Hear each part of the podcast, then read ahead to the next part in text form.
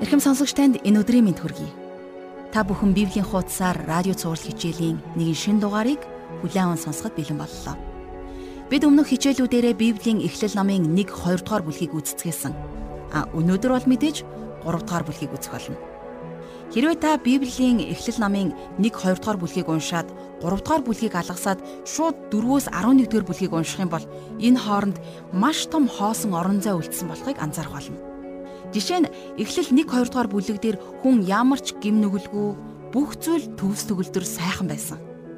Хүн бурхантай нөхөрлөж бүх зүйл сайхан байснаа гів гинтхэн 4-өөс 11 дугаар бүлэг дээрээс гинтхэн атаархал, уур хилэн, аллаг, худал хуурмаг, завхаарл, бузар муухай зүйл газар авсан байхыг үзэх болно.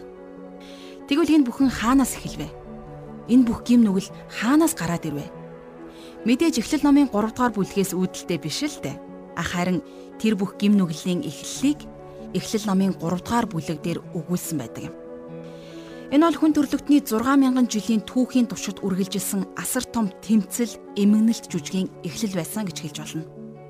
Энэ бүлэг дээр бид хүн төрөлхтөн хэрхэн гим нүгэлд унсан тухай, а бас бидний дайсан сатан биднийг хэрхэн ямар аргаар биднийг хорлсон тухай За тэгээд хэрвээ бурхны өршөөл нэгүсэл байхгүй бол хүн өөрийнхөө хүчээр хизээч авралыг олж авах боломжгүй тухай үзэх болно. Гим нүгэлтэнд бурхан хэрхэн ханддаг талаар а бас өөрийнхөө гим нүгэл ичхүүрийг өөрөө далдлах гэж оролддог хүн төрлөختний төрлөх гимт чанарын талаар бид эндээс анхудаа дэлгэрэнгүй үзэх болно. Мөн биднийг аврах бурхны агуу төлөвлөгөө өршөөл нэгүслийн талаар а бас зууч болох Иесус Христгүйгээр хүн бурхантай хамт байх боломжгүй гэдгийг үзэх болно.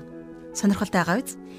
Хэрвээ танд асууж тодруулах зүйл байвал нэвтрүүлгийн төгсгөлд хэлэх имэйл хаягаар та бидэнд хандан загтал өчээрэй. Ингээд хичээлийн эхэнд бурханд хандан залбирцгаая. Бурхан минь энэ өдөр та бидэнд өөрийн амьд үгийг өгөөч. Өөрийн сүнсээр дамжуулан бидэнд та үгийг тайлбарлан Миний зүрхсгэлд та тэр мэрэгэн ухаан ойлголтыг өгөөч. Таны үгээр амьдарч, таны үгийн дагуу алхахад та бидэнд туслаач. Бидний цагийг тань даатгаж, Есүс Христийн нэрээр залбирлаа. Амен. Харин одоо ингээд жаргал агшихаа хичээлд анхаарлаа хандуулъя.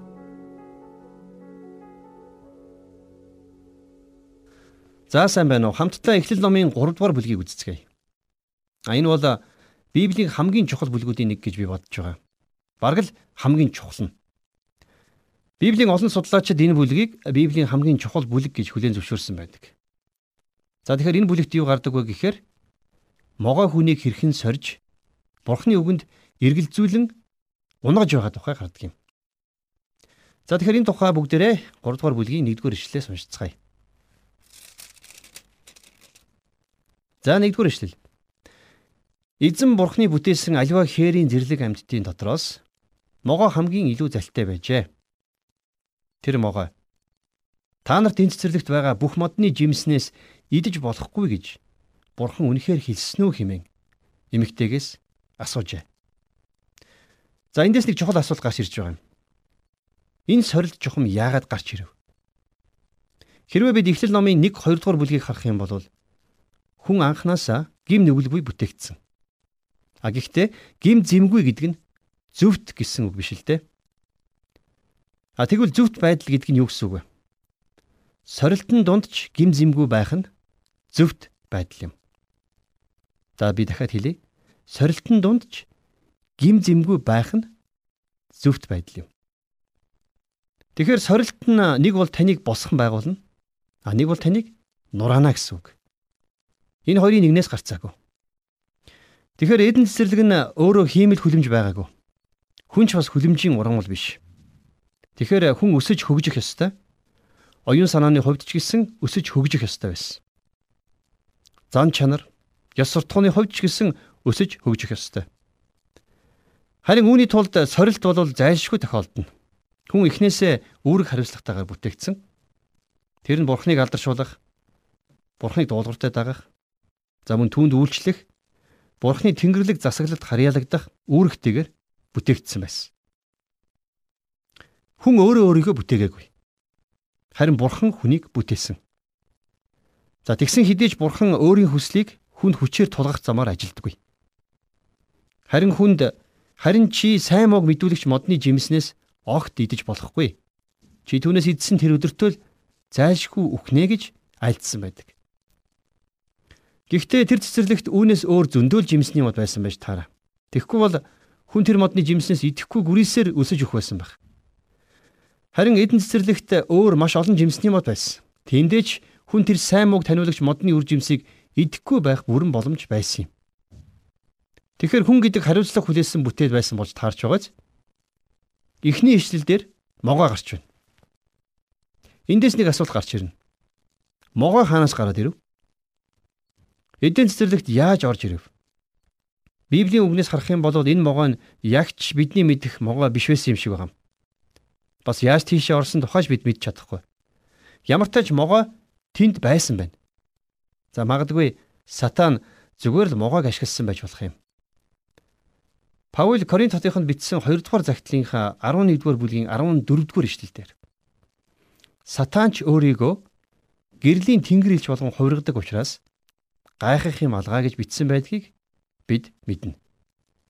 За мөн илчлэлт номон дээр за тухайлах юм бол 12 дугаар бүлгийн 9 дугаар ишлэлдэр Өнөөх агуу том луу буюу бүх ертөнцийг мэхлэгч диавол ба сатан гэгддэг эртний могой доош хаягдав.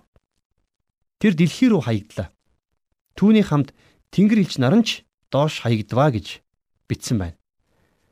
За тэгэхээр энэ могоо болвол бидний мэдих хевлэр явагч могоо биш болж таарч байгааз. Илчилт номын 20 дугаар бүлгийн 2-ыг харах юм бол илүү тодорхой болно. Энд ингэж бичсэн байгаа. Тэрээр диавол ба сатан болох эртний могоо буюу лууг бариад түүнийг хүлж мянган жилийн турш ёроолгүй гүнд хайжээ гэж энд бичсэн байна. Энэ амьтны үүсэл гарлын талаар эхлэл номон дээр ерөөсөө бичигдээг байгаа. Хэрвээ бид Исая 14 эсвэл Изекиэлийн 28 дугаар бүлгийг унших юм бол энэ амьтны талаар баг зэрэг мэдээлэл олж авч чадна. За тэгэхээр дараа дараагийн ишлэгийг харъя. 3 дугаар бүлгийн 2-оос 3 дугаар ишлэлдэр тэр эмэгтэй могоод хандаж бид энэ цэцэрлэгдэх модны жимснээс идэж болно. Харин цэцэрлэгийн голд байгаа модны жимсний тухайд Бурхан та нар түүнээс бүүид бас түүнд бүүхүр тэгвэл та нар үхнэ гэж айлдсан химээжээ гэж бичсэн байдаг. Яагаад могоо заавал эмэгтэй хүн рүү очисон юм бол? Яагаад эрэгтэй хүн рүү эхлээд очиог юм бол? Бурхан анх Адамыг бүтээгээд түүн цэцэрлэгийн бүх модны жимснээс идэж болно. Гэхдээ сайн мууг мэдүүлэгч модноос идэж болохгүй гэж айлдсан баг. А харин дараа нь эмэгтэй хүнийг бүтээсэн. Тэгээд эмэгтэй хүн эрэгтэй хүнээс энэ талаарх мэдээллийг дамжуулан авсан л байж таараа.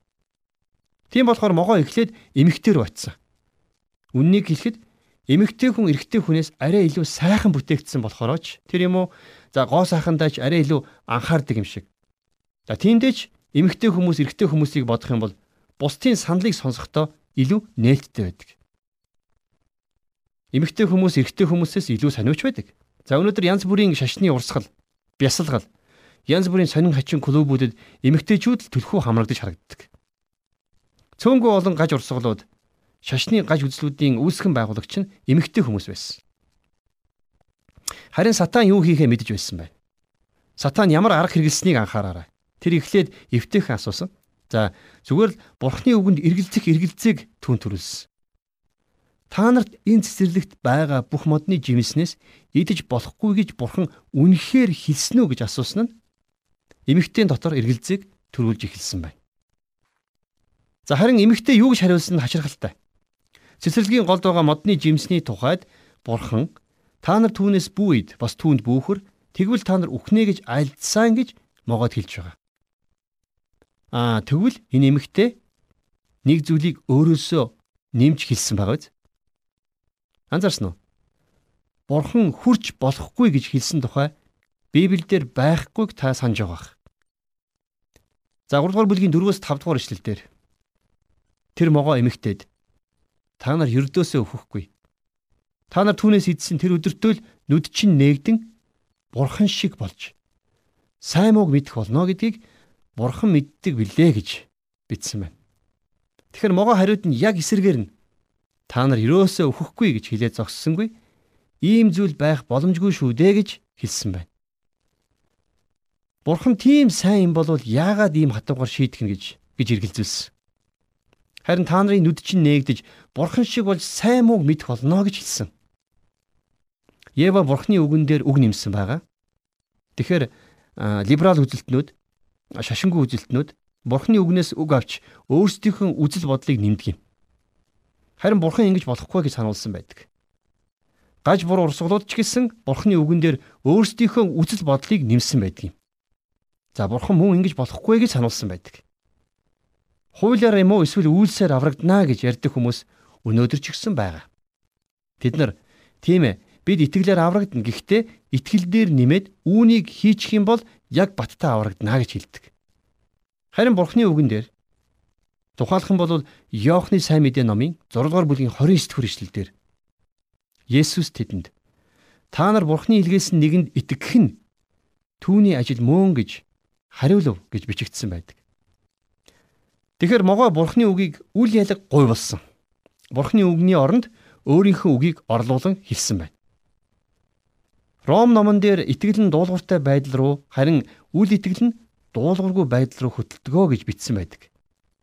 Харин эргэлзээ нь ямагт дуулуургүй байдал руу хүмүүсийг хөтлөн дагуулсаар байна. За 3 дугаар бүлгийн 6 дугаар ишлэгийг харъя. Тэгээ тэр модны жимс нь хүнс болоход шимтэй нүд булаам мэрэгэн ухаантай болгочихмоор шунал хөдөлгөм сайхан харагдсан тул тэр эмэгтэй түүнээс авч иджээ. Тэр бас өөртөөгөө хамт байсан нөхөртөө ч өгч тэрч иджээ гэсэн байна. Могой тэр жимс рүү хүний сонирхлыг татахдаа ямар арга хэрэгэлсэн бэ? Тэр жимсийг хүний махан бие тааламжтай хэмээн ятгсан. За тэгээд тэр жимсийг харахад хүнс болоход шимтэй байгаа зогсохгүй. Бас бүр нүд булаам мэрэгэн ухаантай болгочмоор за тэгээ цаашлах юм бол шунал хөдөлгөм харагдсан байгаа. Эндээс могоо санал болгосон зүйлсээ маш бодиттойгоор харуулж чадсан байна. Хэрвээ бид Матайн сайн мэдээ номны 4-р бүлэг, за Маркийн 1-р бүлэг, Лукийн 4-р бүлгийг харах юм бол сатан цөлд эзэн Есүс Христийг яг ингэж сорьсон тухай олж үзэх болно. Эхлээд сатан энэ чулуунуудыг тал хулгаач гэж хэлсэн. Есүсийн махан биеийн хэрэгцээг дайруулан түүнийг сорхоор оролцсон. За энд Евад ч гэсэн мөн адил тэр жимс итгэд амттай сайхан харагдсан. Дараа нь сатан Есүст энэ дэлхийн бүх хаанчлуудыг харуулад түүнд тэр бүх хаанчлуудыг чамд өгье гэж санал тавьсан. Яг л тэр модны жимс нүд болом сайхан байсан шиг. Тийм сайхан саналыг тавьсан. За тэгээд эцэст нь сатан Есүсийг сүмийн орой дээрээс доошо үсрээчээ гэж хэлсэн баг. Өнөөдөр ч гэсэн хүн бурхан болох боломжийг санал болгох нь сонссоор байгаа нь Явагийн алдааг дээр үед болоод өнгөрсөн явдал гэж үзэж болохгүй гэж.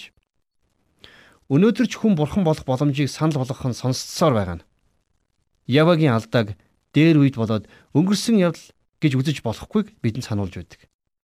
Энэ нь хүнийг шашин шүтлэг талаас нь сорж байна гэсэн үг. Сатан өнөөдөр ч гэсэн энэ аргаар хэрэгэлсээр байгаа гэж би боддог. Сатанд энэ арга тактика өөрчлөх шаардлага гараагүй.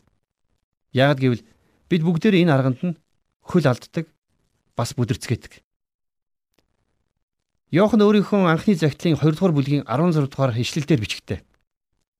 Учир нь ертөнцид байгаа бүхэн тухайлах юм бол махан биеийн хүсэл тачаал, нүдний хүсэл тачаал, амьдралын бардан багтал нь эцгээс бус харин энэ ертөнцөөс ирдэг юм а хэмээн бичсэн байдаг. Энд бичигдсэнчлэн махан биеийн хүсэл тачаалын дагуу тэр модны жимс идэхэд амттай харагдсан. Амьдралын бардам багтал гэж бичигдсэнчлэн тэр жимсийг идсэн хүн мэрэгэн ухаантай болчих юм шиг харагдсан. Гэтэл Библи энэ бүхэн нь эцгээс ирдэггүй юм а гэж. Энэ дэлхийгээс тухайлах юм бол энэ ертөнцөөс ирдэг юм а гэдгийг дахин дахин давтан хэлдэг. Махан биеийн хүсэл тачаалын дагуух гим нүгэл нь хүний зүрх сэтгэлээс ихтэй гэж Библи бидэнд хэлдэг юм. Харин сатан яг энэн дээр л өөрийнхөө гол тоглолтыг хийж байдаг. Сатан яг энэ аргаараа хүн төрлөختнийг бурхнаас холдуулж яг л энэ аргаараа өнөөдрийг хүртэл амжилттай ажилласаар л байна. Тэд сайн мууг мэддэг болно гэж хэлсэн. Тэгэд юу болсон? Үр дагаврыг бид нар хамтдаа амсаад өнөөдөр энд сууцгааж байна шүү дээ. За, Эхлэл номын 3 дугаар бүлгийн 7 дугаар ишлэлийг үргэлжлүүлээд харцгаая. Тэгээд тэр хоёрын нүд нээгдэж хоёулаа нүцгэн байгаагаа мэдээд инжир модны навчсыг хооронд нь холбож өөрсөддөө бэлхэмж хийжээ. Тэгээд тэр хоёрын нүд нээгдсэн гэсэн үг нь өөрөөр хэлэх юм бол ичгүүр мэс чанар гэсэн ойлголт бий боллоо гэсэн үг. Үүнээс өмнө хүнд ийм зүйлс байгаагүй. Байх шаардлагач байгаагүй. Яг гэвэл тэд нар гим зэмгүй байсан. Гим зэмгүй байдал гэдэг нь гим нүглийг үл тоохыг хэлж байгаа юм. Хүнд ичиж зовох, өөрийгөө зүхэх, буруутгах, шаналлах. За тэгээ мэс чанартай өөрийгөө буруутгах шаардлага байгаагүй. Энэ бол бидний дотор оршин байдаг биднийг буруутгагч хүчин зүйл байна. Христэд итгэгч нэгэн сэтгэл судлаач эрдэмтэн хүний дотор орших буруутгалын мэдрэмж бол яг л хүний баруун гар шиг нь хүний салшгүй хэсэг юм а гэж хэлсэн байдаг юм байна л. Өөрөөр хэлэх юм бол бид энэ мэдрэмжээс сэтгэл судлалын аргаар ангижрах боломжгүй гэсэн үг. За тэгээд цаашлах юм бол тэд нүцгэн байгаагаа мэдсэн гэж бичсэн байна. Нүцгэн байгаагаа мэдээд тэд инжирийн модоор бэлхэмж хийж үнссэн. Инжирийн мод гэдэг нэрийг энд бүр нэр зааж хэлсэн байна. Сайн мууг мэдүүлэгч мод яг ямар жимсний мод байсан талаар энд дурдаагүй. Гэхдээ энд инжирийн модоор бэлхэмж хийж өмссөн гэж тодорхой хэлсэн байна. Адам Ева хоёр гимшээгүй харин гим нүглээ халахлахыг оролдсон байгааз. Тэд өөрсдийгөө бурхнаас холдсон гэдгийг хүлээн зөвшөөрч чадахгүй байсан. Ингиж хүлээн зөвшөөрөхөд ч тэд бэлэн биш байсан. Өнөөдөр шашин хүнийг яг ийм байдалд оруулдаг. Шашны зан үйл хэлбэрийг хүн маш сайн дуурайдаг. А тэгэд үүгээр өөрийнхөө гим нүглийг халахалчлаа гэж боддог. Гэвч харамсалтай нь тэдний зүрх сэтгэл нь бурхнаас алс хол байж идэг. Шинэ гэрээ номонд Есүс инжирийн модыг харааж байсныг та санаж байна уу? Энэ маш их сонирхолтой түүх байдаг юм. Яг энэ үйлдэлийнхээ дараа Есүс шашинлаг байдлыг буруудгсан байдаг юм. Есүс шашинлаг байдалтай эвлэрчгүйгээр тэмцдэг байсан. Яг гэвэл шашин нь хүний гим нүглийг хүний нүднээс далдалдаг. А гэхдээ бурхны нүднээс халахж чадахгүй. Шашинлаг байдлаар дамжуулан сатан хүн болон бурхны хооронд хаалтыг бий болгодог. Өөрөөр хэлэх юм бол шашинлаг байдлаар дамжуулан сатан хүнийг бурхнаас холдуулж хүнийг шашинлаг байдалтай найдахад хүргэдэг юм. Энэ бол маш аюултай залмих. Энэ бол худал хэлж хулгай хийхээс тис өөр зүйл. Энэ бол хүнийг бурханд эргэлзэхэд хүргэдэг.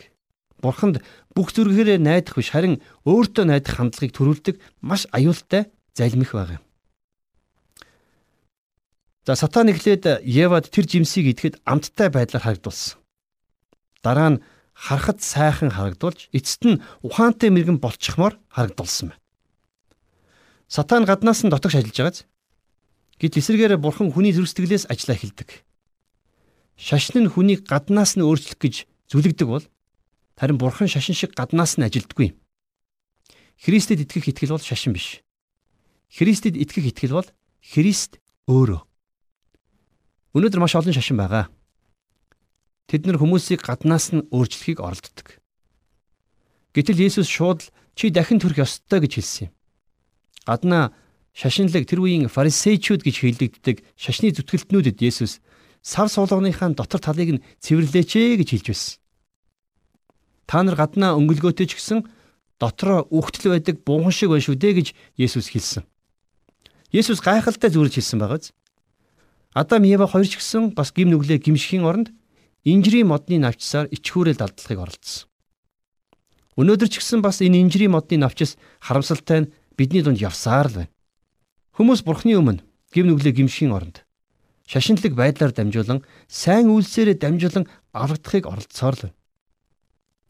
За Эхлэл номын 3-ын 8-аас 9-р ишлэлийг харцгаая.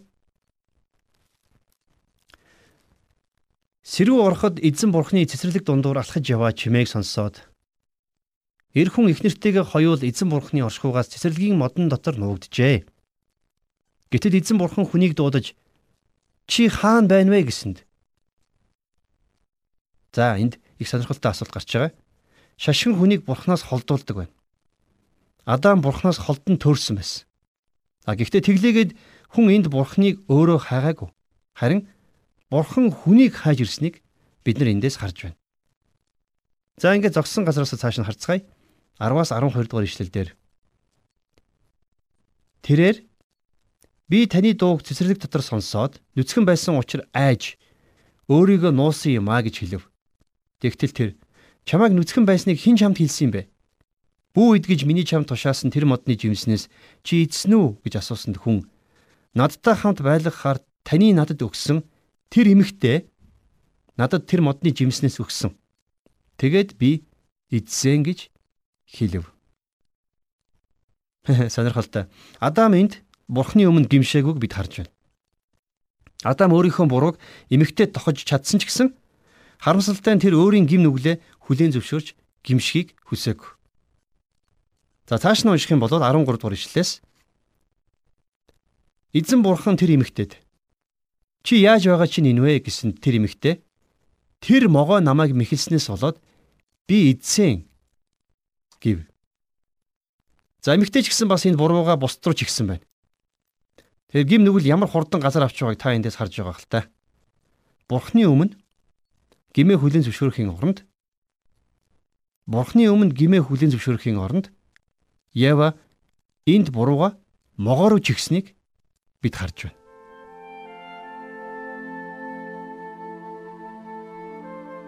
Тэгэхээр анхны хүмүүс олох Адам Ева хоёр сатааны сорилтон дунж Бурхны үгэнд дуулуургийн хандсан талаар өнөөдөр хамтдаа үзлээ.